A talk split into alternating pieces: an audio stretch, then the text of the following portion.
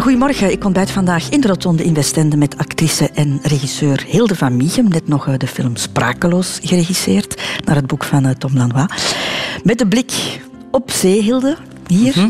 Je hebt ooit in een interview gezegd, een aantal maanden geleden, um, de zee werkt op mijn gemoed. Mhm, dat klopt, ja. Aan zee voel jij je eenzaam. Ja, het is tweeledig. In eerste instantie geeft het mij een enorm gevoel van ruimte en eeuwigheid. En het is precies dat dat zich dan na een uur of twaalf of 24 tegen mij keert. Mhm. Dat te veel ruimte, te veel eeuwigheid. Dat maakt mij onrustig dan. Ja, ik, word daar, ik voel me heel snel heel eenzaam aan zee. Mhm. En dat heb ik niet in de groene natuur bijvoorbeeld. Maar hier heb ik dat wel. Maar ik ben er ook dol op. Hè. Het is heel dubbel. Het is heel dubbel. Het is een ideale plek, alleszins, voor een gesprek van twee uur. Dat vind ik wel, ja. En dan in dit hotel... Allee, het is nu wel geen hotel meer. Maar als kind hadden mijn ouders hier in Westende een appartementje gehuurd, jarenlang. En ik, zag altijd, ik was altijd onder de indruk van dit gebouw. En het was altijd een van mijn dromen om daar ooit te logeren. En kijk, bij deze is dat nu gebeurd. Radio 2. De Rotonde met Christel van Dijk. Hilde van Miechem, de rotonde van jouw leven. Daar gaan wij proberen een soort van plattegrond van te maken. Alle keuzes die je gemaakt hebt. Ah, je bent er bijna 59. Als je nu terugkijkt op die 59 jaar, denk je dan, ach ja, het merendeel van die keuzes is wel goed geweest? Ja, absoluut. Ja? Ja, ja zeer zeker. Ik, zelf zo moest ik het overdoen dat ik niet veel anders zou doen. Of toch zeker niet de dingen waar ik voor kan kiezen. De dingen waar ik niet, van, niet voor kan kiezen, zou ik misschien liever anders willen. Maar nee, ik heb absoluut geen spijtgevoelens. Mhm. Neem jij nog altijd op dezelfde manier beslissingen dan pakweg 40 jaar geleden? Ik denk dat wel, ja. Ik denk het wel. Ehm, heel impulsief. heel intuïtief. Maar impulsief eigenlijk is dat niet waar. In eerste instantie lijkt het impulsief, maar ik ben iemand die wekenlang kan broeden op een beslissing. En ze dan neem um, ja, van het een intuïtief gevoel, van het ehm, zelden vanuit berekening. Ik zal ook nooit aan iets beginnen als ik niet ergens zeker weet dat ik het kan. Als ik het gevoel heb van nee, dat lukt mij niet, dan zal ik er zeker niet aan beginnen. Als ik denk, jawel, dat kan ik, dan loop je nog altijd het risico dat het mislukt. Maar mm, die premissen heb ik wel nodig om eraan te beginnen, überhaupt. Hilde, als bekende medemens heb jij uiteraard een Wikipedia-pagina. En daar staat onder meer dit op te lezen. Hilde van Michem, Antwerpen, 14 april 1958, is een Vlaamse actrice, auteur en regisseur. Ja, er staat meer op uiteraard, maar goed, dat is de synopsis. Maar een Wikipedia-pagina begint altijd uh, vanaf de periode dat een mens bekend is geworden. Maar er zijn heel veel jaren vooraf gegaan aan die bekendheid. En dat zijn toch ook jaren die heel belangrijk geweest zijn in een mensenleven. Dat zal wel zijn, ja. Vandaar dat Han Koeken de Wikipedia-pagina een beetje heeft aangevuld. Hilde van Michem, geboren te Antwerpen op 14 april 1958. Haar één jaar jongere zus Christine schetst meteen een klaar profiel. Hilde nam de leiding en trok de rest op sleeptouw. Als we bijvoorbeeld aan de zee waren en uh, ik, wou vriend, allez, ik wou vriendjes worden met kindjes die ik niet kende, en dat was altijd ons Hilde degene die, die het pad effende en die dan ging vragen of dat we dan vriendjes konden zijn. De aanwezigheid van Hilde ging nooit onopgemerkt voorbij. De afwezigheid evenmin een heel toch wel opgewekt kind. En als uh, zij er niet was, dan was het altijd stil. Opgewekte en aanwezige Hilde was naast een toffe zus ook een tweede moeder. Zeker voor haar tien jaar jongere zus Sophie. S'avonds als mij in bed stak, dan uh, ik had een knuffeltje, een wit konijntje en dan noemde Witteke. En zij zei altijd helemaal fout die namen. En dan maakte ze mij zo aan het lachen. Dus dan liep ze buiten en zei, slaap wel Sophie, slaap wel Fritteke. En dan zei ik, nee Hilde, het is Witteke. Slaap wel Kitteke, nee het is Wittekes. En als haar jongere broer Peter Jan even dreigde te ontsporen op de schoolbanken, speelde Hilde zelfs even de strenge lerares. En ik heb mijn cursus Duits in een auto en zo hebben heel mijn cursus Duits in een auto. Hebben wij altijd overlopen. Die was de altijd Duits met me aan het praten en ik was er effectief helemaal van door. Hilde was een zus, een tweede mama, maar vooral een warme, lieve vriendin. Vat zusje Sophie oprecht samen. Als er echt iets is waar ik mee zat, dan, eh, en nu nog steeds is er maar één persoon waar je echt goed mee kan praten, die echt luistert en die meedenkt. En dat is Hilde. Hilde nam haar tijd voor een gesprek. Desnoods de hele nacht door weet haar klasgenoot aan Studio Herman Terling, Mieke de Grote. Op een avond belanden wij dan samen op café en begonnen wij te praten en te praten en te praten. En dat kon dat tot 's morgens duren. En dat was dan een geweldige avond. Hilde stond open voor mensen. En ook haar deur thuis stond altijd wagenwijd open, vertelt broer Peter Jan. Dat is zo precies altijd de enige plek waar dat je terug, terug naartoe kunt gaan bij, bij Hilde. Hilde begon haar leven als regisseur in haar gezin en haar omgeving. En dat wou ze ook worden in theater, weet collega Mieke de Grote. Wij zaten daar allemaal voor een acteeropleiding.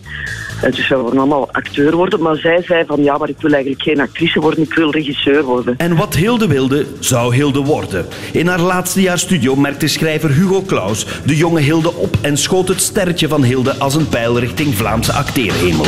En de rest is history. Maar zeg, Wat? heb je al mijn zussen en broers Ja? geïnterviewd? En die weten dat. Ah ja, natuurlijk Ah, ah, ja, weten die dat, want die hebben geantwoord.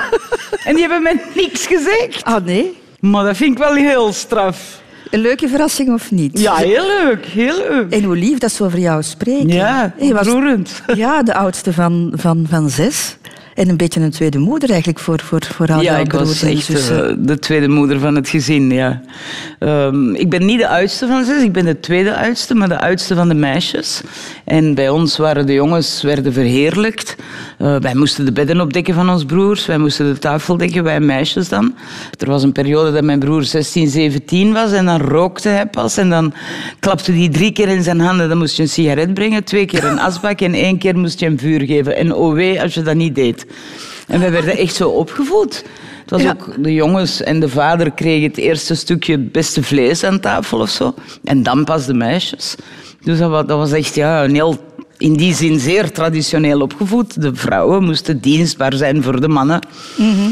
Maar en los daarvan was ik inderdaad... Een, een, heel veel jongere broers en zussen hebben bij mij gewoond. Heb ik mee opgevoed. De Rotonde. Radio 2. Radio 2. Hilde van Michem, over sommige afslagen in het leven heb je niks te zeggen. Eh, dat wordt voor jou gekozen, geboren worden. De plek ook waar dat eh, gebeurt. We hebben het daar net al even over gehad. Je komt uit een groot gezin, tweede van, van zes kinderen. Was het de bedoeling van jouw ouders? Was het een bewuste keuze om zoveel kinderen op de wereld te zetten? Nee, nee, nee, nee. Mijn moeder heeft altijd eh, de eerste drie kinderen een totale verschrikking gevonden. De pil was er toen nog niet. Mijn moeder was jaar na jaar zwanger, drie jaar na elkaar. En ze was eigenlijk een zeer progressieve, feministische vrouw. Ze was eigenlijk een vrouw die wilde gaan werken, die wilde de wereld in en die wilde helemaal niet thuis zitten met drie kleine bleuters, zoals ze dat noemde. Die is eh, bijvoorbeeld haar examen van eh, lerares gaan afleggen met drie kinderen in haar kielzog. En wij moesten dan in de gang op een bankje blijven wachten. Drie, twee, één jaar. En dan ging zij haar examen afleggen. Eh, de dag ervoor had mijn vader al haar boeken uit het ruim gegooid van colère. Omdat hij vond dat de vrouw aan de haard hoorde en in de keuken. De- mijn moeder was vrijgevochten vrouw. Dus die eerste drie kinderen die kwamen helemaal niet van pas, eigenlijk. Misschien een allereerste dat die nog wel. Maar zeker die twee daarna, dat vond ze een verschrikking. En dan de kinderen later, de laatste drie, daar heeft ze echt voor gekozen. Daar heeft ze ook een, had ze ook een betere relatie mee. Heb je dat echt heel goed aangevoeld, Hilde, dat je niet echt tussen aanhalingstekens gewenst was?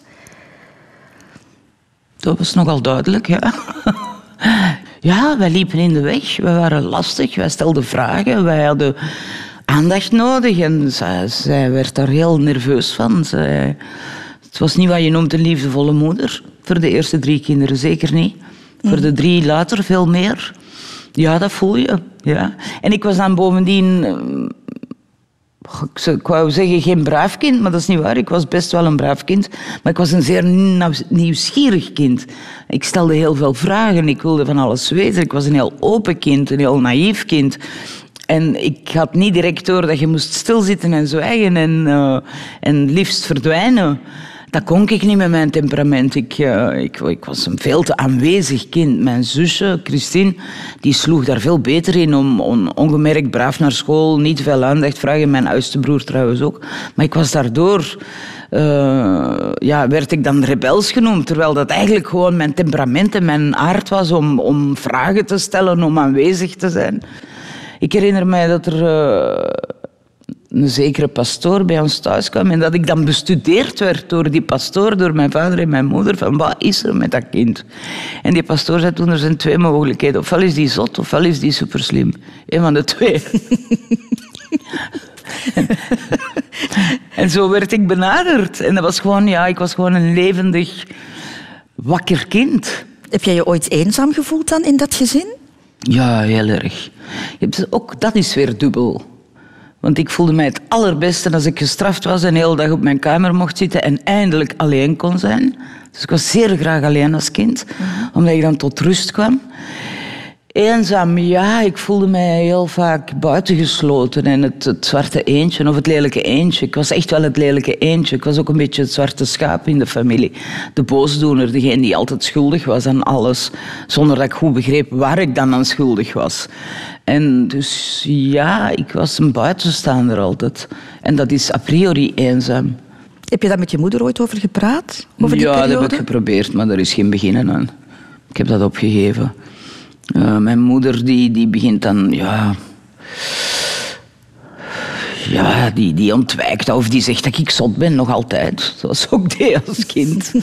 dat ik gestoord ben en zot ben en dat ik vang en dat ik niet weet wat ik vertel. En dat ik, dat ik ben er echt mee gestopt om daar te proberen over te praten. Dat is ook nergens niet meer voor nodig. Mijn vader daarentegen, daar heb ik wel lange gesprekken kunnen mee hebben.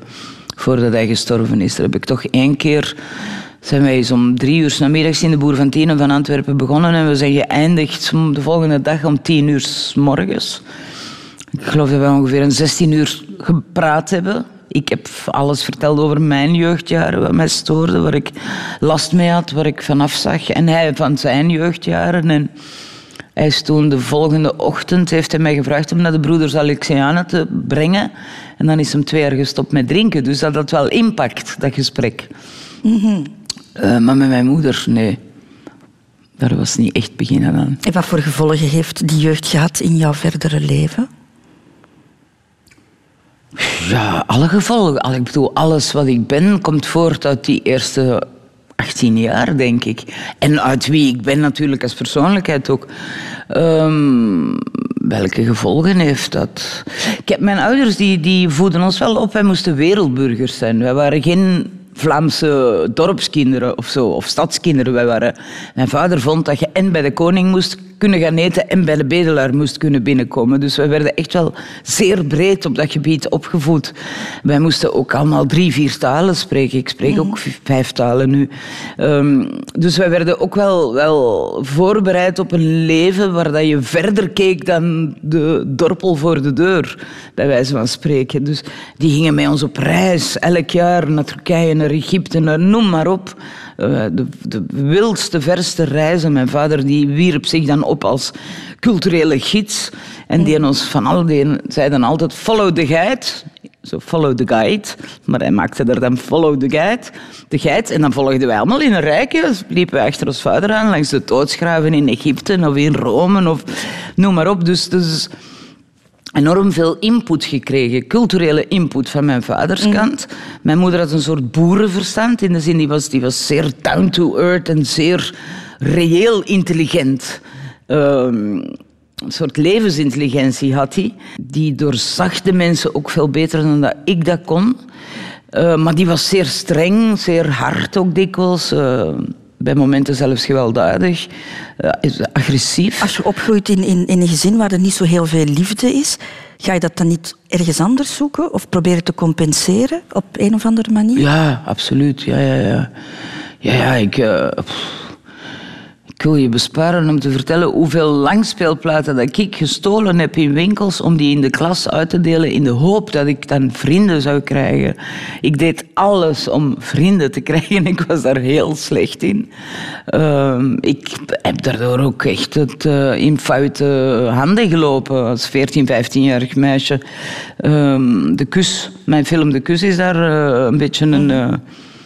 afspiegeling van. Dat is over een, een, een dochter die geterroriseerd wordt door haar moeder. En ja, dan in en de handen van een loverboy. dan een loverboy, Ja. inderdaad. Zo in de handen vallen van een loverboy. Ik ben daar gelukkig heel snel uitgeraakt. Dankzij de jeugdbrigade van Antwerpen, die op een bepaald moment op mijn schouder tikte en zei, moet jij niet op school zitten? Nee, mijn grote bek, nee.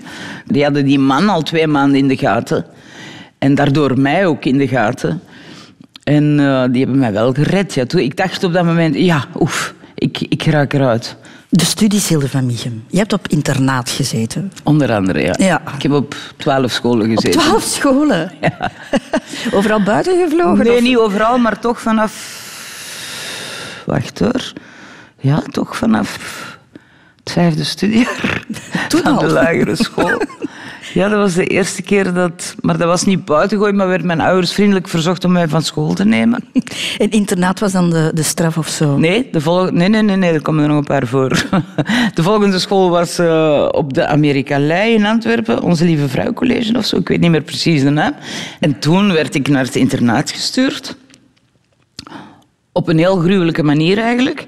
We gingen eerst skiën met de kinderen met de ziekenkast zoiets, en wij kwamen terug. En mijn moeder deed heel lief tegen mij. En dat vond ik al zeer verdacht. Want dat deed ze niet dikwijls of no- nooit.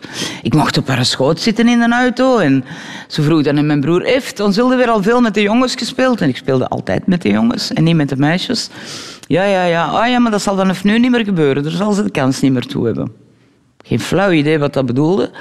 Dan thuis lag er een koffer in mijn kamer, een, een valies, met pyjamakjes in en sloefjes en, en gordijntjes en een koekentrommel. En, en mijn moeder zei, dat is allemaal voor jou, ah, voor mij. En waarom dan? Werd niet uitgelegd. En de volgende morgen bracht mijn vader mij en mijn zus naar het Amerikalei, naar school. En ik wilde uitstappen en vader zei, nee, jij blijft in een auto wachten. Hij zette mijn zus af. En toen reed hij de autostraden op, naar Gent. En ik wist nog altijd niet wat er gaande was. En ik vroeg onderweg, papa, waar gaan we naartoe? Ja, dat zullen we wel zien. En dan kwamen we in Gent, aan Nouveau-Bois heette die school. En dat was een, een smalle straat met een gigantische grote bruine muur en één grote bruine poort. En daar werd er aangebeld, die koffer werd uit de auto gepakt. En wij liepen er naartoe en er was zo'n vieze, oude, perkamenten non deed de deur open. In het Frans zei hij iets tegen mijn vader en dan zei mijn vader, voilà, eh, vanaf nu ben je hier op internaat. Baf. En de poort ging achter mij dicht en ik stond in een totale nieuwe school. Geen vrolijke wereld daar. Dat was niet vrolijk. Nee, dat, daar heb ik eigenlijk pas echt ontdekt wat eenzaam zijn is. Daar was de eenzaamheid enorm. En daar ben ik volgens mij ook een beetje zot geworden. Allee, in de zin van, ik praatte gigantisch veel in mezelf. Heel de monologen. En als iedereen sliep s'avonds, dan deed ik het ruim van mijn... Het was bovenop eh, op het zolder, waren de slaapkamer. En dan, spiet, dan sprak ik heel de speelplaats toe. En dan had ik in gedachten, was die gevuld met mensen. En dan sprak ik heel de speelplaats toe over het onrecht waarom ik daar in die school gevangen zat. Dus mijn verbeelding als kind, ik was toen 13 jaar, 12 jaar, dat was echt een manier om daarmee om te gaan. Om, eh, om, eh, die, die speechen waren een manier om, om, om mezelf te kalmeren en om dat te duiden en om me iets minder eenzaam te voelen. Nee, dat, waren triest, dat was een triestig jaar, een heel triestig jaar. Maar dan na het middelbaar, Hilde, beslis jij... Nu ga ik mijn eigen weg. Nu ga ik voor mezelf kiezen. En eh, beslis jij om naar Studio Herman Teirling te gaan. Ja, zeer tegen de zin van mijn ouders, want die wilden dat ik advocaat zou worden. Die hebben mij dan ook meteen uit huis gegooid. Als ik, eh, als ik dan eh, actrice wilde worden, dan eh, wilden ze daar liever niks mee te maken hebben. Dat liep wel gepaard met mijn vriend die ik ontmoet had, die een dochter had, mijn oudste pleegdochter. En ik herinner mij dat ik thuis ging vertellen dat ik ging samenwonen met hem. En dan heb ik ze toch maandenlang niet gezien. En dan ben ik in het café gaan bijwerken elk weekend om mijn studies zelf te betalen. Maar zat je daar op je plaats? Voelde je je daar goed? Op studio. Eh, nee, ook niet. Ik was tegen dan zo misvormd qua rebellie op scholen. Dus op die manier kwam ik dan op Studio Armand Terling, vrij rebels en, en, en ongeciviliseerd. Allee, ik was echt ja, een beetje een wild zigeunerachtig kind. Dat zich van niks iets aantrok. En, eh, ja, en de lessen die mij niet interesseerden, daar ging ik gewoon niet naartoe. Tot, tot grote haat en nijd van mijn eh, collega-studenten van mijn klas. Maar ik had bijvoorbeeld conservatorium gedaan, drie, vier, vijf jaar lang. Notenleer, piano. Ik kende dat, dus ik ging niet naar de lessen notenleer. Ik ging niet naar de drumles. Ik ging, ik ging daar niet naartoe. Ik sprak vloeiend Engels en Frans. Ik ging niet naar de lessen Engels, ik ging niet naar de lessen Frans. Maar ik kwam dan op het einde van het jaar wel mijn examen doen en dan was ik de eerste of de tweede in die Dan vakken. maak je geen vrienden mee. Nee, zo maakte geen vrienden. Zo maakte echt geen vrienden. Nee, het is ook bijna fout afgelopen daar. hè? Ja, het is bij, ik ben er een paar keer van school gegooid. Elke keer weer terug aanvaard. En de laatste keer, ehm, dat was in het derde jaar, in december. Ik, ik, had toen ook al een pleegdochter. Hè, van, dus ik ging tussen het school door ging ik eh, boodschappen doen, wassen en plassen, thuis zouden we doen. En ja, ik was dikwijls te laat, ochtends op school. En ik werd voor de zoveelste keer van school gegooid. En toen was het vrij definitief. En dan ben ik via, via een dokter een briefje gaan halen dat ik die ochtend daar niet was omdat ik een abortus had laten plegen. Wat natuurlijk totaal verzonnen was. Maar ik moest echt met een, met een groot argument komen om die directeur te overtuigen. En dat viel in zeer goede aarde. Dat was, amai, heb jij dat over voor je vak en zo? Allee, je mag terug naar school komen op één voorwaarde. Je mag niet overgaan dit jaar. Dus in december werd er beslist dat ik mijn derde jaar sowieso moest overdoen. Heel mijn klas zeer tevreden. Ja, die moet blijven zitten, daar zijn we vanaf. Tot in april Hugo Claus op school een jonge student kwam zoeken voor de rol Christian in Vrijdag. Zullen we het daar zo meteen over hebben? Dat is goed. Want dat is jouw redding geweest. Hè? Die man Dat is, is jouw redding geweest. Radio 2. De Rotonde. Hilde van Biegem, we hebben het er net over gehad. Jij maakt de keuze om eh, actrice te worden. Je gaat daarvoor naar Studio Herman Terlink. Eh, hoewel je het heel graag wou doen, verbrot je het daar ook bijna. Hè? Ja. Van school gevlogen, derde jaar normaal gezien moeten overdoen. Maar dan is er de grote redder Hugo Claus die op school komt. de grote redder Hugo Claus. En die kwam kijken naar een toonmoment, zoals dat nu heet. En ik mocht niet meedoen, want ik moest mij het hele jaar dienstbaar opstellen. Dat wil zeggen, ik moest koffie brengen aan de regisseur en de jas weghangen. En ik moest het licht doen voor de andere studenten als die toonmomenten hadden. Dus ik stond achter de lichtbak. En Hugo kwam daar kijken en heel de school was hysterisch. Echt iedereen was van, "Ah, de grote Hugo Claus. Maar mij kon niet schelen, want ik stond achter de lichtbak. Dus voor mij kwam hem zeker niet. Dat, want zoveel was zeker. En eh, hij keek naar dat toonmoment en dan iedereen ging eh, van het toneel af en zich omkleden en zo. En hij zat naar mij te kijken en ik hoor hem nu nog zeggen tegen Fons, de directeur, wie is dat meisje achter die lichtbak? Ah, zei Fons, er wilde niks mee te maken hebben, dat is de slechtste leerling van school. Die is, dat is echt een onmogelijk kind. Ah, zegt, eh, zegt Hugo, maar ik zou het toch graag hebben dat ze auditie komt doen. Ik, ik, dat interesseert me wel. Ik dacht bij mezelf, die is gek gewoon. Oké, dus ik mocht auditie. Vond zij dan, riep mij erbij, dat is meneer Kluis, goeiedag. Ik in een kapotte trui, kapotte jeans, verwilderd tot en met. Ehm goeiedag en zo. En eh, oké, ik moest auditie doen. Wat gebeurt er op de dag dat ik auditie moet doen? Overslaap ik mij. Kijk, ik moest er om negen uur zijn. Ik word om kwart na negen wakker. Ik spring uit mijn bed, mijn haar alle kanten uit. Hup, jeans aan, kapotte trui. Ik naar het ICC op de Meer in Antwerpen.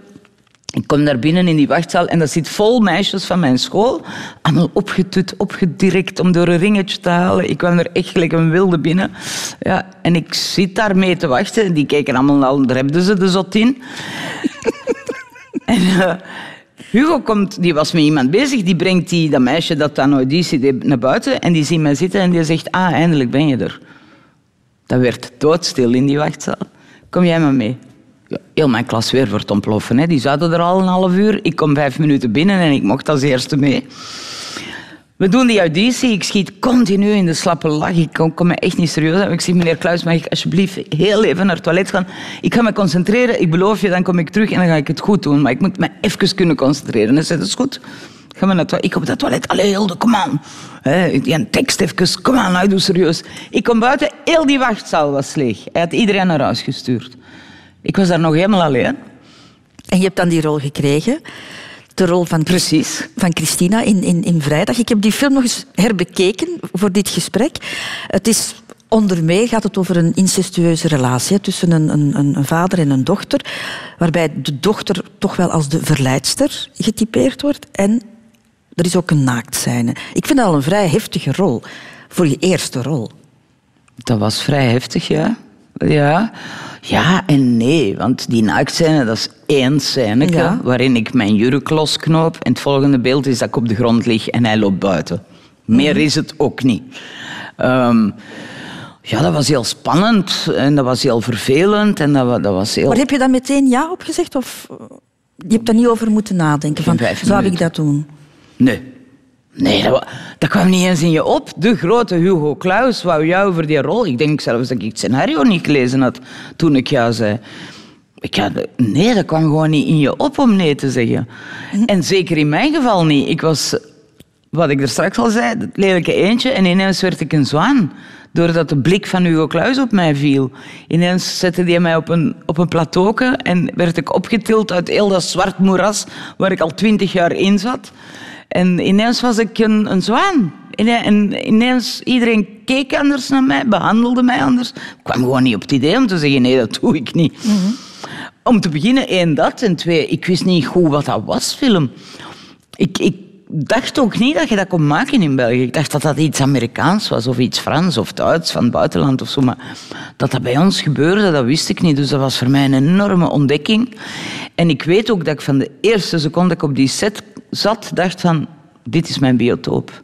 Dit, ja, meteen dat gevoel. binnen de vijf minuten dacht ik, wauw, dit is het gewoon. Ik vond dat zo spannend. Ik voelde mij zo als een vis in het water. Ik had dat ook meteen door, hoe dat, dat werkte, hoe dat, dat marcheerde. Dat was echt, ja, dat was thuiskomen voor mij. Dat was echt van, aha, dit is mijn plek in de wereld. En was je daar altijd op tijd? En, en pliesbewust? En, ja, en, en, ja, ja. ik ben nog altijd iemand die zeer stipt is en zeer pliesbewust. In tegenstelling tot mijn jeugdjaren, ja. Hoe heeft die rol jouw leven bepaald, Hilde? Heel erg, heel erg. In die zin dat eh, als je daarna in je carrière zei, ja, moest je een cv opsturen of zeggen wat je al gedaan had. Ja, ik moest maar daarna Hugo Kluis laten vallen of de deuren gingen open. Dat, was, dat, ja, dat heeft heel erg mee bepaald hoe dat er naar mij gekeken werd. Dat was heel anders voor mijn klasgenoten die afstudeerden en die geen enkele referentie konden voorleggen. En die dus een weg op een heel andere manier bij elkaar moesten timmeren. Dat, dat is hen ook wel gelukt, of voor velen is dat hen ook wel gelukt. Maar bij mij had ik wel die gemakkelijkheid dat die deuren open gingen. Maar heeft het ook voor een deel jouw imago bepaald? Want je hebt een beetje het, imago toch van een sexy actrice te zijn. Hè? Beetje Ja, maar ik denk dat dat vooral gekomen is door Blonde Dolly. Veel minder door Vrijdag. Blonde Dolly ging over een prostituee, hè? Ja, daar speelde ik een prostituee in. Waar in die film ben ik, denk ik, ja, heel even naakt, maar heel weinig. Maar bon, ik speel een oer. Mhm. En een hele film lang. Ik ben toen op de cover van Playboy heb ik toen gestaan. Was ook uit rebellie. Dat ik dacht, hier zijn jongens. Was je niet de, enige, de, de eerste Vlaamse, Vlaamse, ja. die, die op de cover van Playboy Ja. Dat is Eh, toch ook een, een zware beslissing om te nemen? Ja, dat stond wel in mijn contract. Ik mocht dat niet echt weigeren. Het enige dat ik daar heb op kunnen bedingen, is dat ik weigerde om in de camera te kijken. En dat maakt een enorm verschil. Ineens worden dat meer kunstige foto's. Kunst naakt, kunstig naakt. Terwijl als je met die blik in de camera en dan nog wel met natte lippen en zo, dan, dan zit je echt wel de poes die lonkt. Dat Ja. was niet het geval. Maar jouw imago heeft jou nooit gestoord? Of is geen belemmering Jawel, dat heeft mij wel gestoord. Of tenminste, niet mij als persoon heeft mij niet gestoord, maar hoe ik benaderd werd, heeft, werd mij, heeft mij wel gestoord. Ik had geen spijt van het feit dat ik vrijdag gedaan had. Ik had geen spijt van Blonde Dolly. Dat waren mooie rollen. Dus ik had daar geen spijt van. Ik vond dat heel spannend. Maar ik werd wel benaderd als de hoer, de femme fatale, eh, de vrouw zonder brains. eh, en ook door journalisten heel vaak. Ik heb ooit meegemaakt dat er een zei... "Ai, Ja, jij speelt een hoer, dat zal toch ook niet voor niks zijn, hè? Het moet toch zijn dat dat toch wel in jou zit, hè, dat hoerige. Dat, dat je echt dacht, man, ga je nog een beetje hebben, een beetje respect. Dus jawel, ik werd daar wel op afgerekend door de buitenwereld. Ook mijn broer... Zeker toen met de Playboy, dan vroegen ze... Gelukkig hadden ze mijn naam fout geschreven op de Playboy. Dus de familie met CH. Met gevolg was dat mijn broer kon zeggen... Nee, dat is mijn zuster niet, ik ken die niet. Ja. Radio Radio 2. Over de afslagen van het leven. De Rotonde. Hilde van Michem, ik heb mij in jouw leven verdiept voor dit indruk, gesprek. Je bent enerzijds een, een, een heel flamboyante vrouw. De publieke Hilde is zo. Maar je maakt ook heel vaak privé de keuze voor stilte. En voor, Oh, absoluut. En voor eenzaamheid. Oh, absoluut. Ja, heel erg. Ja, ik ben een heel temperamentvol iemand. Men noemt dat flamboyant. Voor mij is dat normaal, hè? dat is wie ik ben. Ik, ik schrik ook altijd dat anderen schrikken van mij. Dan denk ik, hè? Wa- waarom? Dus ik ben nogal heftig, ik voel alles heel heftig. Ik ben een emotioneel iemand. Maar ik ben ook, wat ze tegenwoordig noemen, hoogsensitief. Ik voel heel veel aan. Ik, alles komt heel erg binnen. Ik ben heel prikkelgevoelig. Ik voel echt de stemming van andere mensen. Maar het gevolg is dat ik heel veel alleen moet zijn om, eh, om mijn eh, batterijen op te laden. En eh, ik heb heel veel stilte en afzondering nodig. Ja. En bijvoorbeeld als ik met mijn kinderen of met mijn zus op reis ga, dan na vijf dagen zink- zinken die op hun knieën en zeggen die... Mama of Hilde, alsjeblieft, zeg nu toch eens een woord. Want ik zwijg gewoon vijf dagen lang. Of tien dagen, of twintig dagen. En als ik heel stil ben, is eigenlijk teken dat ik me heel erg op mijn gemak voel. Ik, ik, ik maak veel lawaai in de buitenwereld uit angst. Ik overschreeuw mijn verlegenheid en mijn angst eerder. Zo de keuze voor de, voor de eenzaamheid en voor het onzichtbaar zijn op bepaalde momenten, heeft dat ook te maken met jouw keuze ehm, om achter de camera te gaan staan en om te Zeer gaan zeker. beginnen regisseren? Zeer zeker. Maar ik wou dat altijd al doen, zoals Mieke Ja. de Grote zei. Ik was dat Maar rond je veertigste begin je daar echt Ja, heb aan, ik dat gedurfd. Daarvoor heb ik nooit gedurfd. Gewoon puur echt niet gedurfd. Ik dacht, ik ben daar niet goed genoeg voor. Ik kan dat niet. Ik weet niet hoe dat, dat moet doen. Ik ben beginnen cursussen volgen in het buitenland. Ik ben naar Sint-Lucas in Brussel gegaan een paar maanden. Daar ben ik ook van afgegooid. op mijn 34. echt waar? Dat is de rode draad in jouw leven. Ja, echt. Ik ben van die school afgegooid. Guido. Hendricks kon dat niet verdragen dat ik op die school zat zonder dat ik ingangsexamen had gedaan, terwijl ik al topactrice was op dat moment. En dat gewoon als vrij leerling. En dat, die vond dat niet kunnen. Hup, van school gegooid na vier weken. Nou, ik zal even uit. Maar wat heeft jou die klik doen maken? Om te zeggen, ik ga dat kunnen? Het is eigenlijk begonnen met Blonde Dolly. Na drie dagen werd de regisseur ontslagen. Want hij zat te slapen in de plaats van dat hij zat te kijken. En ehm, we zaten zonder regisseur twee dagen. En dan heb ik elke avond met de, met de regieassistent, de cameraman Theo Bierkes en ik de decoupage van de volgende dag gemaakt. Heb ik bij wijze van spreken zelf de scènes gedecoupeerd. Dat wil zeggen, welke shots ga je nemen, hoe ga je dat Ah, ja. opnemen, hoe ga je dat draaien. En die producent zei toen, jij moet gaan filmen. Die zag mij bezig twee dagen en die zei, jij moet films maken, jij, jij hebt daar een talent voor, jij kunt dat. En toen, toen werd het zaadje dat er al zat, dat begon toen te kiemen.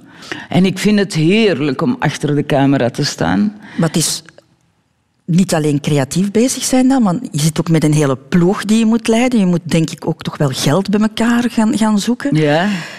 Dat is toch een heel proces. Dat is een heel proces. Ja, dat geld bij elkaar zoeken, daar heb je producenten voor natuurlijk. In het begin voor mijn eigen films heb ik nog meegeproduceerd, dat doe ik niet meer. Met de ploeg, ja, ik heb het geluk gehad. eh, De Suikerpot was mijn eerste korte speelfilm. Eh, dat is een kortfilm. En die heeft 19 prijzen gehaald wereldwijd. Van New York tot Berlijn, tot Londen, tot Parijs. Dat was ongelooflijk. En ik werd toen uitgenodigd bij Moonstone. En Moonstone is de zusterschool van Sundance, van Robert Redford. En ik mocht, op basis van de suikerpot, mocht ik komen oefenen met de kus. Dat scenario dat ik toen had. En daar heb ik echt geleerd om een heel ploeg te leiden. Daar hebben ze mij geleerd dat ik de kapitein van het schip was. En de kapitein van het schip die doet niks. Die zit op zijn stoel en die laat al de rest voor zich springen. Dat was nu echt iets wat ik niet kon. Ik voelde mij verantwoordelijk voor alles. Dus ik was altijd maar, "Ah, ga eens uit beeld of doe dit. En dan zei mijn regisseur, hey captain, sit down. En zei captain, you're the captain, sit down. En zo heb ik echt op drie weken tijd geleerd wat het is om een ploeg te leiden. Ja. En om iedereen zijn verantwoordelijkheid te geven en te laten en te vertrouwen. Ben je kwetsbaarder als regisseur dan als acteur? Nee, acteur is het meest kwetsbare. Je bent ook zeer kwetsbaar als regisseur. Want, je Want komt- als een film niet goed is, Ja, dan wordt de regisseur neergesabeld. Hè? Ja, is- ja, dan heb je, en als het goed is, dan is het dankzij de acteurs. Hè. Dan is hetzelfde dankzij de regisseur. En tegen kritiek, kan je daar tegen? Ja, goede kritiek. Ik bedoel, goede kritiek in de zin, een goede, slechte kritiek, daar kan ik heel goed tegen. Onlangs was er iemand die iets zei over het begin van de film, sprakeloos. En dan dacht ik, ja, daar kan ik mij nog wel in vinden. Dat snap ik wel, wat je bedoelt.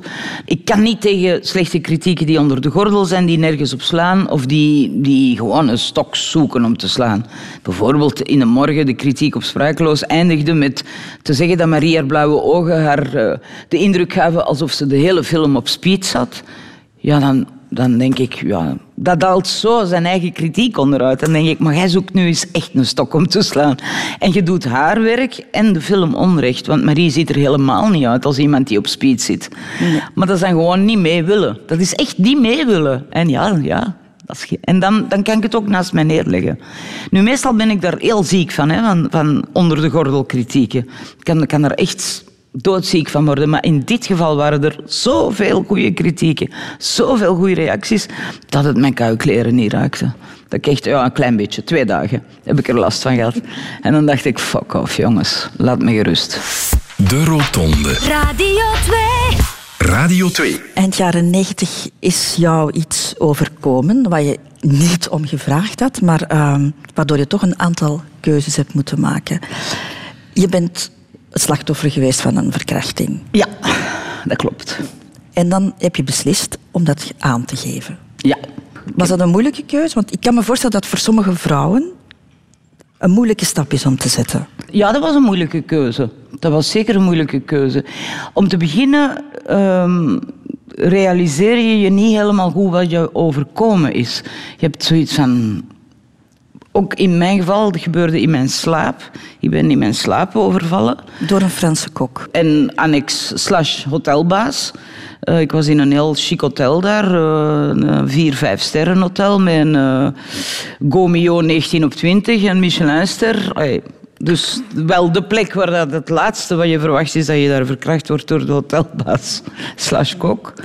Toen, dat die uiteindelijk, toen ik die uit mijn kamer gekregen heb, heb ik heel de nacht zitten bellen naar mijn zus, eh, naar, mijn, naar mijn agent, naar mijn psychiater. Ik was toen in psychoanalyse een paar jaar.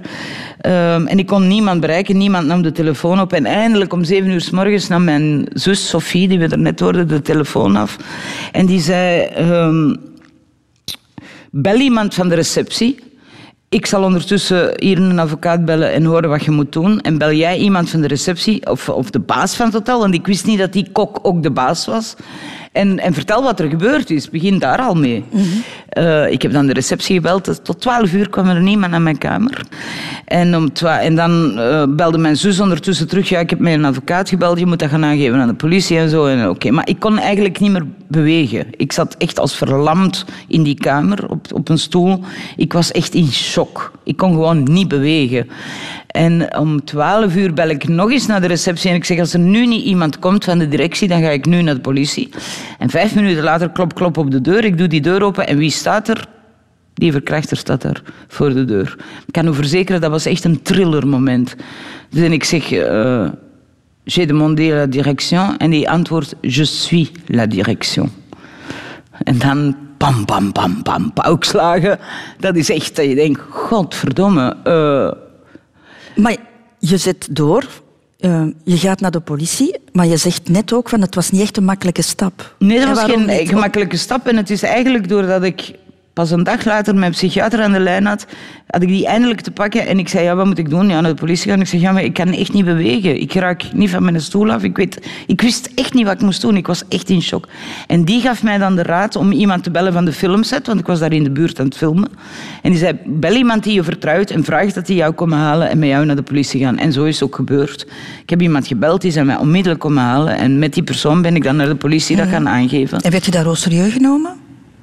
Nee, dat was, eh, dat, heel dorp stond op, eh, op stelte. Die kok was eh, werkelijk een notabele in dat dorp.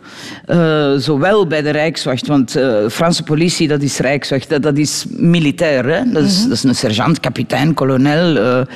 zowel bij de gendarmerie als bij de gerechtspsychiater en bij de gerechtsdokter die mij onderzochten. Die vroegen, ja, weet je wie, wie, wie de verkrachter was? En dan zei ik, ja, die persoon. En dan zei hij, maar allee, arrête, maar allee, j'y vais tous les semaines, ik ga er elke week eten, dat meen je niet. En dat wa- dat was daar in het dorp, was dat zoiets van, wow, Hier gebeurt wel iets heel bijzonders. Met het gevolg dat toen de confrontatie was tussen hem en mij, zat ik in een kamertje van drie meter op vier, niet groter, met twaalf mannen.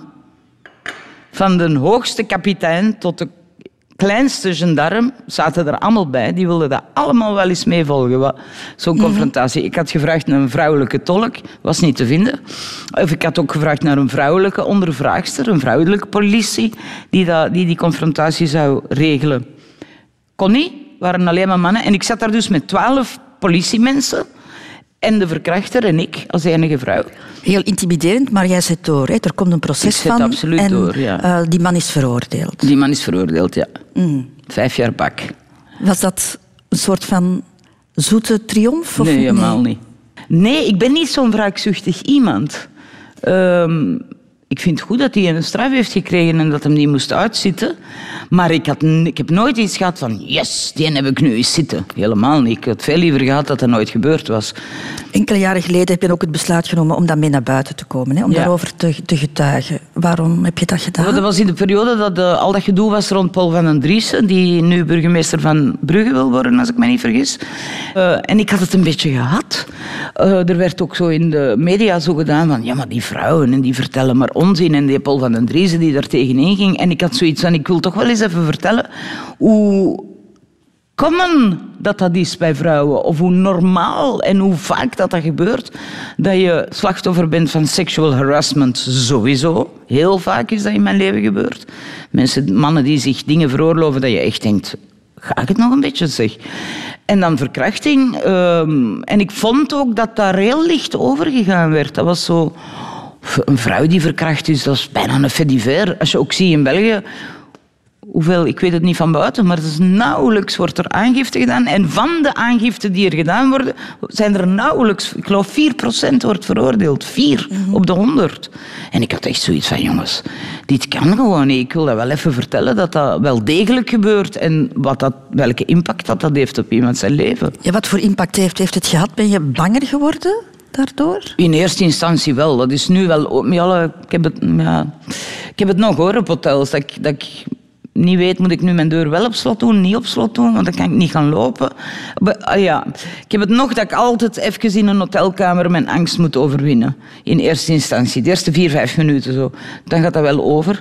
Maar toen, vlak daarna, was ik heel angstig. Ik herinner mij dat ik eh, met mijn hond ging wandelen en ik ik had net de wagen geparkeerd en er klopte iemand op mijn raam. Maar man, mijn auto was gewoon te klein. Ik plakte het hele plafond van het verschieten. Die kwam gewoon de weg vragen, die mens. Maar dus, dus in het begin ben je heel paranoia, heel angstig. En heeft het ook gevolgen gehad op jouw intiem leven? Nee, eh, maar wat ik nu ga vertellen is wel zeer intiem. Maar ik denk dat ik zo slim ben geweest. Dat is gelijk dat je van je fiets valt. Hè? Je moet daar direct terug opstappen en verder fietsen. Ik heb vanaf ik thuis kwam uit Frankrijk, ik heb een vriend opgebeld. Mijn toenmalige minnaar, laat ik het zo zeggen. En ik heb gezegd, kom naar hier, ik wil vrijen op een manier die teder, zacht en lief is. Want ik wil... Ik wil dat uitwissen. Ik wil een andere ervaring. En die is gekomen. Ik heb heel veel gehuild toen. Die heeft mij getroost. Maar we hebben toen twee uur lang heerlijk gevreden. En dat heeft mij er echt overheen geholpen.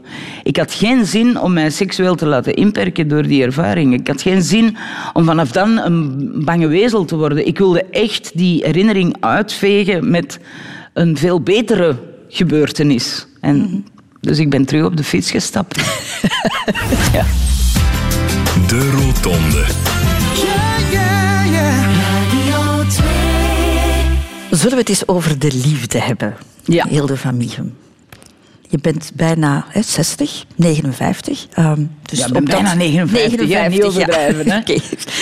Ehm, je bent bijna 59, dus al een hele weg afgelegd op dat gebied.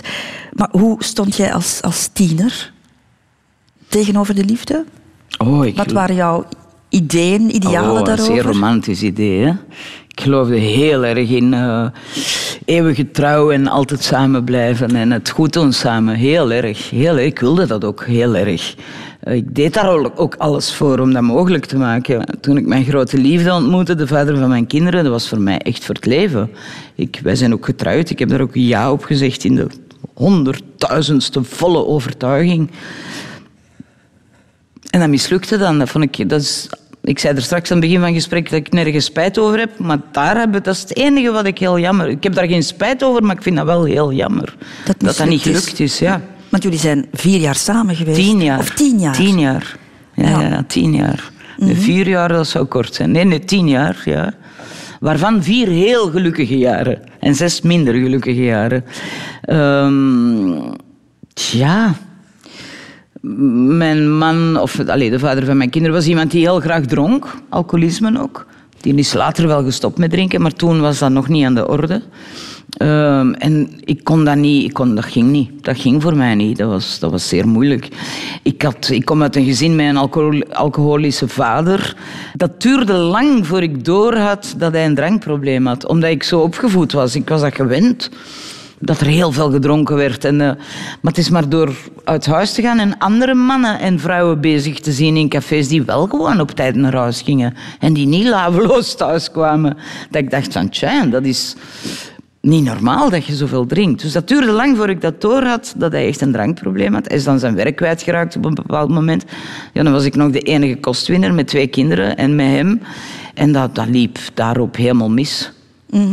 Waar het ook op misliep, denk ik, is dat ik elf jaar jonger was dan hij. Toen, toen we elkaar leerden kennen, was ik 19, was hij 30.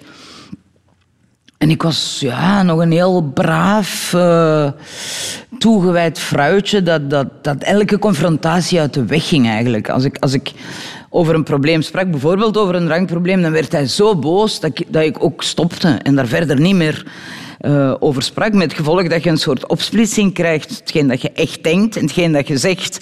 En dat is iets wat ik op deze leeftijd, of zelfs tien jaar geleden, niet meer zou doen. Ik zou veel directer zeggen, hey, dit pik ik niet. Ik heb hier een probleem mee, doe hier iets aan. Maar toen was ik veel Ja, je was heel jong, hè, want eh, 19 zeg je, bent ook heel snel gaan samenwonen met hem. Ja. Ook op je 19e, 20e. Ja. Dus jij was eigenlijk nog een kind, hè? Ik was piepjong en ik had dan vanaf mijn twintig ook al een pleegdochter van zes. Dus ik was een zeer verantwoordelijk meisje. Ik deed, ik deed hu- huishouden, ik kookte, en ik waste, en ik plaste. Ik zorgde voor dat kind van, van zes toen. Zeven was ze net geworden, eh, een paar maanden later. En, en voor die man die dan ineens geen werk niet meer had. En dat was veel te zwaar voor mij. Dat was veel te zwaar. Dan vind je van jezelf dat je alles gedaan hebt om die relatie te redden?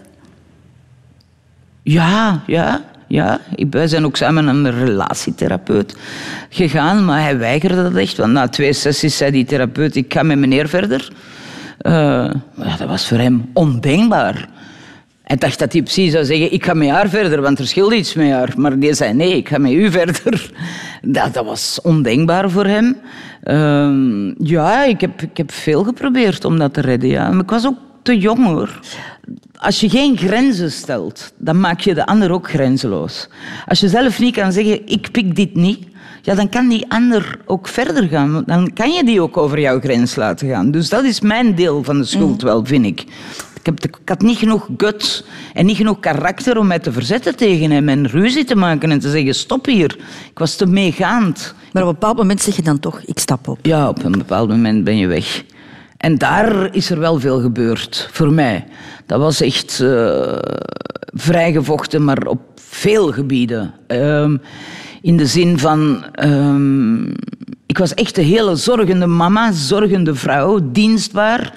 En daar ben ik echt mijn leven gaan, gaan leven. En ben ik eh iets minder zorgzaam geworden. In de zin van, er was altijd lekker eten en aandacht voor mijn kinderen. Maar oh, we gingen ook wel eens op restaurant. Of oh, ik heb een keer niet gepoetst. Of, allee, ja. het, ik werd veel vrijer in mijn beweging daardoor. Ehm, Meer voor jezelf gaan leven ook. meer voor mezelf gaan leven, ja. Meer leven zoals ik wilde leven en zoals ik het voelde, ja. En wat bij mij echt taboe was, is eh, ruzies en toestanden in huis. Ik wilde mijn kinderen niet een jeugd geven zoals ik ze zelf had meegemaakt, met vrij heftige ruzies. Mijn, mijn ouders hadden echt een, een passionele Virginia Woolf relatie. Dat is leuk voor hen, dat is minder leuk voor de kinderen. En dat wilde ik niet. Ik wilde, ik wilde echt dat het, dat het harmonieus en fijn was thuis. Dat is een van de redenen waarom ik ben weggegaan. Ik wilde niet ehm, ruzies in huis. Ik had daar geen zin in. Je bent weggegaan, maar je hebt nog heel lang je trouwring gedragen. Ja, ik heb die denk ik maar een jaar of tien geleden afgedaan, echt. Ja, ik ben heel lang heel trouw geweest aan dat huwelijk, hoewel dat huwelijk op de klippen gelopen was. En ik heb denk ik ook daarom heel lang geen andere relaties aangegaan. Omdat ik eigenlijk in hart en nieren nog heel trouw was aan die eerste grote liefde. Omgekeerd hij ook. Ook hij heeft nooit meer iemand anders gehad. Ik heb nog wel één lange relatie gehad, maar hij heeft nooit meer iemand anders gehad. En wij zijn nog altijd aan speaking terms en we, zijn, eh, we zien elkaar graag, maar we kunnen niet leven met elkaar, zo simpel is het. Kinderen, Hilde van Michem. We hebben het al een paar keer over gehad. Je hebt twee dochters. Uh, Marie is jouw eigen dochter. Sarah is de dochter van, uh, van Chris, hè, waar je mee getrouwd was. Die heb je heel jong in jouw leven gekregen. Je was twintig. Mm Voelde dat meteen goed? Poeh, uh, voelde dat meteen goed. ik herinner me dat Chris mij voorstelde aan zijn dochter. En uh, dat was een, vreemd moment. Die zat zo van op haar stoel naar mij te kijken. Ze was toen zes. En een paar maanden later krijg ik telefoon van hem. We woonden toen net nog niet samen. En uh, ik krijg telefoon van hem. Zij, haar mama kon haar niet van school halen en hij kon ook niet. Hij was verhinderd. En hij vroeg, kan jij haar van school gaan halen? Oké, ik ben die dan van school gaan halen. Ik twintig, dat kind zes, Sarah zes. En wij wandelden naar haar thuis, het huis waar ik nu woon trouwens. En wij wandelden daar naartoe. En aan de standaard boekhandel aan de Lange Gastenstraat in Antwerpen legde zij ineens haar hand in mijn hand. Dat kleine handje in mijn hand. En ik dacht, ik voelde hoe ze behoefte had aan, aan, aan mijn vasthouden en aan... Ja, blijkbaar voelde dat goed voor haar. En ik bekeek haar en ik dacht... Oké, als ik met jouw papa samen blijf, dan zal ik altijd voor jou zorgen. En dan zijn we gaan samenwonen, een week later of zo. En twee maanden later is ze bij ons komen wonen. Maar ja, vanaf dan zat ik wel in een volwassen leven met een dochter van zes. Mhm. En um, ik herinner mij de discussies met Chris dat ik bijvoorbeeld eens een weekend wou weggaan met hem alleen. Of, of s'avonds weggaan. Of, dat kon dan niet, want, want dat kind kon nergens naartoe op dat moment. En ik weet nog dat Chris toen zei van... Ja, maar ja, je kunt een blinde niet verwijten dat een blind is. Je kunt mij niet verwijten dat ik een kind heb. Maar in die eerste twee jaar was dat voor mij wel... Um, moeilijk om dat mhm. te, een plaats te geven. Plus dat het ook een jaar of twee duurde voordat Sarah mij echt aanvaarde. Dus in het begin, de eerste maanden, als ik thuis kwam, dan zat hij aan tafel en dan begon hij te fluiten. En dan keek hij weg en dan en die keek, die zei niet goeiedag, niks. Hè? Dus dat eerste jaar was echt zo, moest ik die haar hart winnen. Dus dat was zeker niet gemakkelijk. Maar eens dat dat achter de rug was, ja, was dat super. En dan kwam er weer even een dipje toen Marie geboren was. Daar werd Sarah zeer uh, onzeker van. Ineens mijn eigen kindje. Dan was zij al drie jaar bij mij. Dus dat was dan zo van, welke impact heeft ja, dat? Gaat ze mij nog even graag zien? Hè? Wat dus ook normaal ging is, het op school slecht. En, en uh, Sarah kwam dan met verhalen thuis van... Ja, de juf zegt dat ik jaloers ben op Marie. En dan dacht ik... Nee, dat zegt die juf niet. Dat, zegt jij. Maar ik zei daar niks van. Hè. Ik was daar heel aandachtig in. Ja, dat dat dan ook weer even tijd... En ik had dan kleine verhalen. Marie is geboren op 3 januari. Sarah is bij mij gekomen op 3 januari drie jaar eerder. En dan zei ik zo van, dat is toch wel grappig, hè? Ik heb twee dochters, ik heb geen een van de twee weten geboren worden. Want Marie is mijn keizersnee geboren, was toen onder volledige narcose. En Sarah is bij mij gekomen vanuit een ander gezin. Mhm. En dan zag je Sarah openbloeien en, ah ja, ja, ja, Hilden heeft twee kinderen, alle twee op 3 januari. En ze heeft geen van de twee geboren weten worden. Ja. En op die manier wilde ik haar altijd het gevoel geven dat zij er absoluut bij hoorde en voor mij even belangrijk was. Ja, je hebt zelfs de keuze gemaakt om haar te adopteren. Ja, ja ik ben, dat is een van de redenen waarom ik getrouwd ben met Chris. Want ik mocht haar niet adopteren, omdat wij maar 14 jaar schelen. En je moet 15 jaar schelen om een kind te adopteren. Dus ik kon haar niet adopteren, dus, maar dat kon wel als we getrouwd waren. Uh, het is uiteindelijk dan toch niet doorgegaan. Eh, want het is een heel raar verhaal hoor. Uh, Chris moest zijn eigen dochter adopteren. Want toen zij geboren was, werd, was die mama nog getrouwd met iemand. Dus, en hij is haar niet gaan aangeven. Dus zij was automatisch de dochter van die man waar dat die vrouw mee getrouwd was. Dus ze is zelf maar een jaar of tien geleden geadopteerd door haar eigen vader. Uh, maar ik kon haar niet adopteren. En ik kon ook geen grote adoptie. Want je moet echt 15 jaar schelen. Dus... Maar je hebt die intentie gehad? Ja, ja absoluut. En ik heb uh, een statuut van pleegmoeder. Mm -hmm. uh, maar dat is allemaal heel ambetant. Hè? Ook met erfenis en dat soort dingen. Alleen dat is zo... Ik heb vanaf dat ze zes was voor haar gezorgd... totdat ze 24 was en uit huis gegaan is. Of 22. En je hebt daar geen enkel officiële band mee. Of geen enkel recht op. Mm -hmm. Maar het is zo goed alsof ze geadopteerd is. Hoor. Je hebt zelf altijd een slechte band gehad met jouw moeder. En jij wilde het veel beter doen als mama zelf. Ja. ja, ja. Had je daar schrik voor, voor die rol? Nee, helemaal niet. Ik kon niet wachten. Ik kon niet wachten om kinderen te hebben. Ik, ik wilde bewijzen tegenover mezelf waarschijnlijk heel erg ook, dat dat kon een lieve moeder zijn. Dat dat wel bestond. Dat dat wel mogelijk was. Zonder dat je daarom je hele leven moest inboeten. En ik had er een enorme noodzaak aan om dat te, te zijn. Om dat te beleven. Om, dat, om daardoor die moeder die geen zorgzame moeder was, te vervangen voor mezelf. Dus ik gaf dat aan mijn kinderen, maar ik gaf dat ook voor een deel aan mijzelf. Door moeder te worden. Alsof ik toch een beetje mijn moeder werd in het moeder worden. Of zoiets, een rare kronkel. Maar ik had, je, hebt, je hebt mensen die een jeugd achter de rug hebben zoals de mijne en besluiten om geen kinderen te hebben. Het schrik dat ze hetzelfde gaan doen. Die schrik heb ik ook gehad hoor.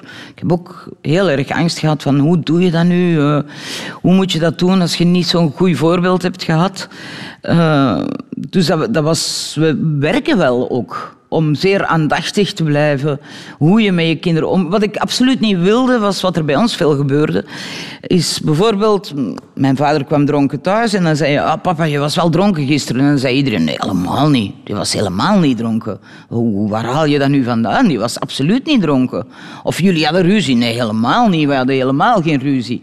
En dan krijg je een rare opsplitsing, dan ga je je eigen gedachten niet meer vertrouwen. Want wat je ziet, zie je, maar er wordt ontkend dat wat je ziet is wat het is. Dat wilde ik echt niet doen met mijn kinderen. Dus als ik al eens dronken was, of als ik al eens ruzie had, of als ik al eens iets deed wat, wat niet zo fijn was op een of andere manier, en Marie of Sarah zei, ja zeg, je hebt wel dat gedaan, dan moest ik even op mijn tanden bijten, maar dan was ik wel in staat om te zeggen, inderdaad, ik heb dat gedaan, ja, dat is niet zo leuk. Sorry daarvoor.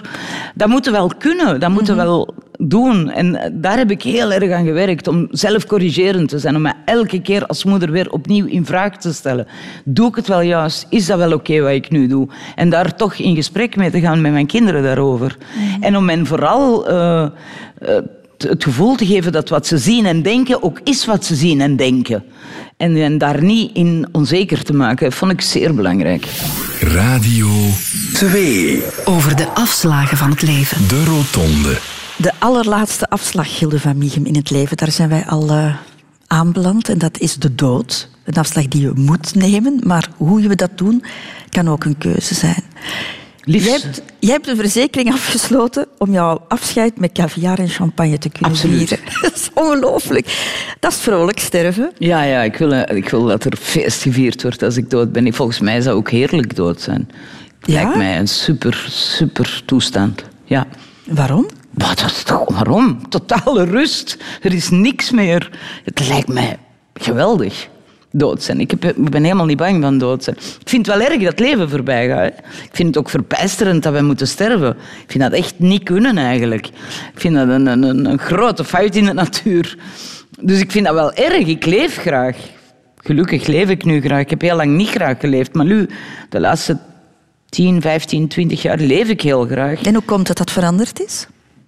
Door de psychoanalyse. Door, uh, door heel hard te werken aan alle mogelijke trauma's die opgeruimd moesten worden en die uh, hersteld moesten worden. En gewoon daardoor. En ik heb mijzelf ontdekt en mijn levensvreugde ontdekt door, door heel veel ballast van mij af te gooien. Je ziet nu meer leven in jou dan tien jaar geleden. Ja, toen zat er ook al leven in mij, maar toen zat er ook heel veel uh, ja, ik was zeer getormenteerd. Het is al langer dan tien jaar hoor. Het is al um, bijna vijftien jaar echt dat ik graag leef. Ik heb me echt weten geboren worden bij die psychiater.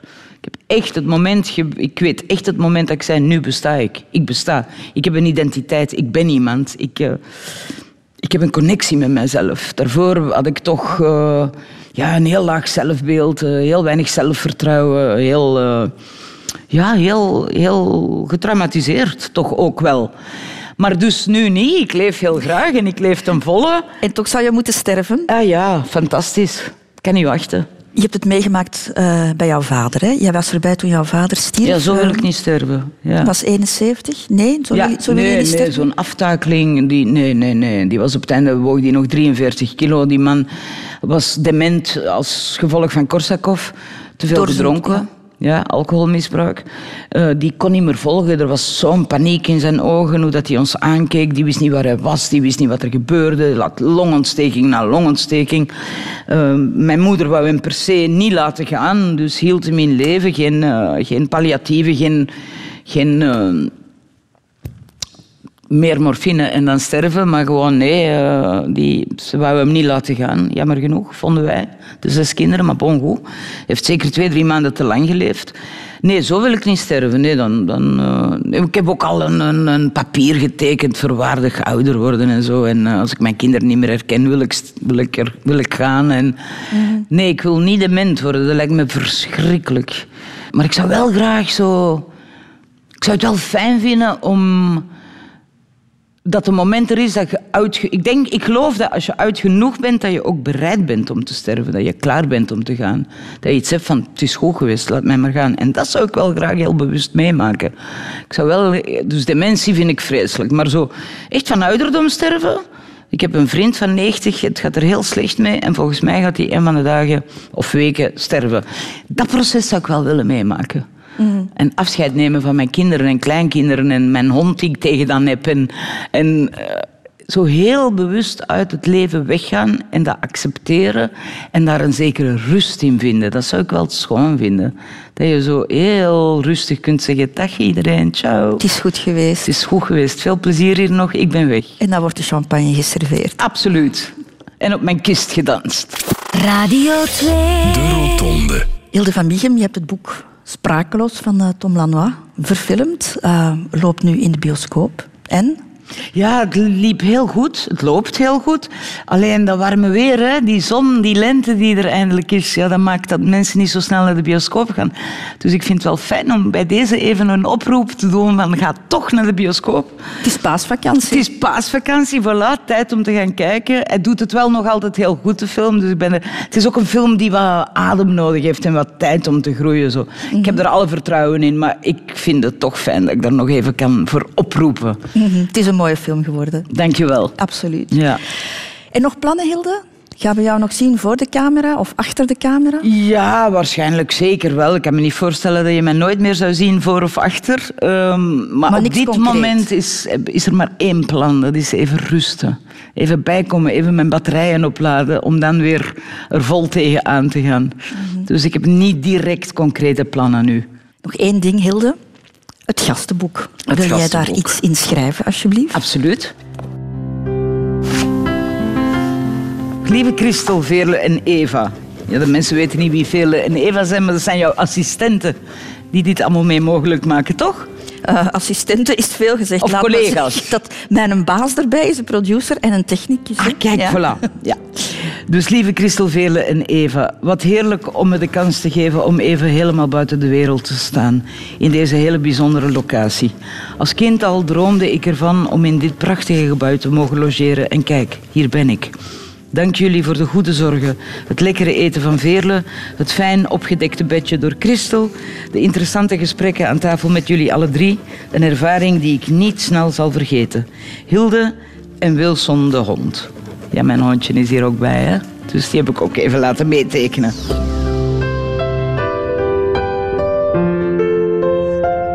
Radio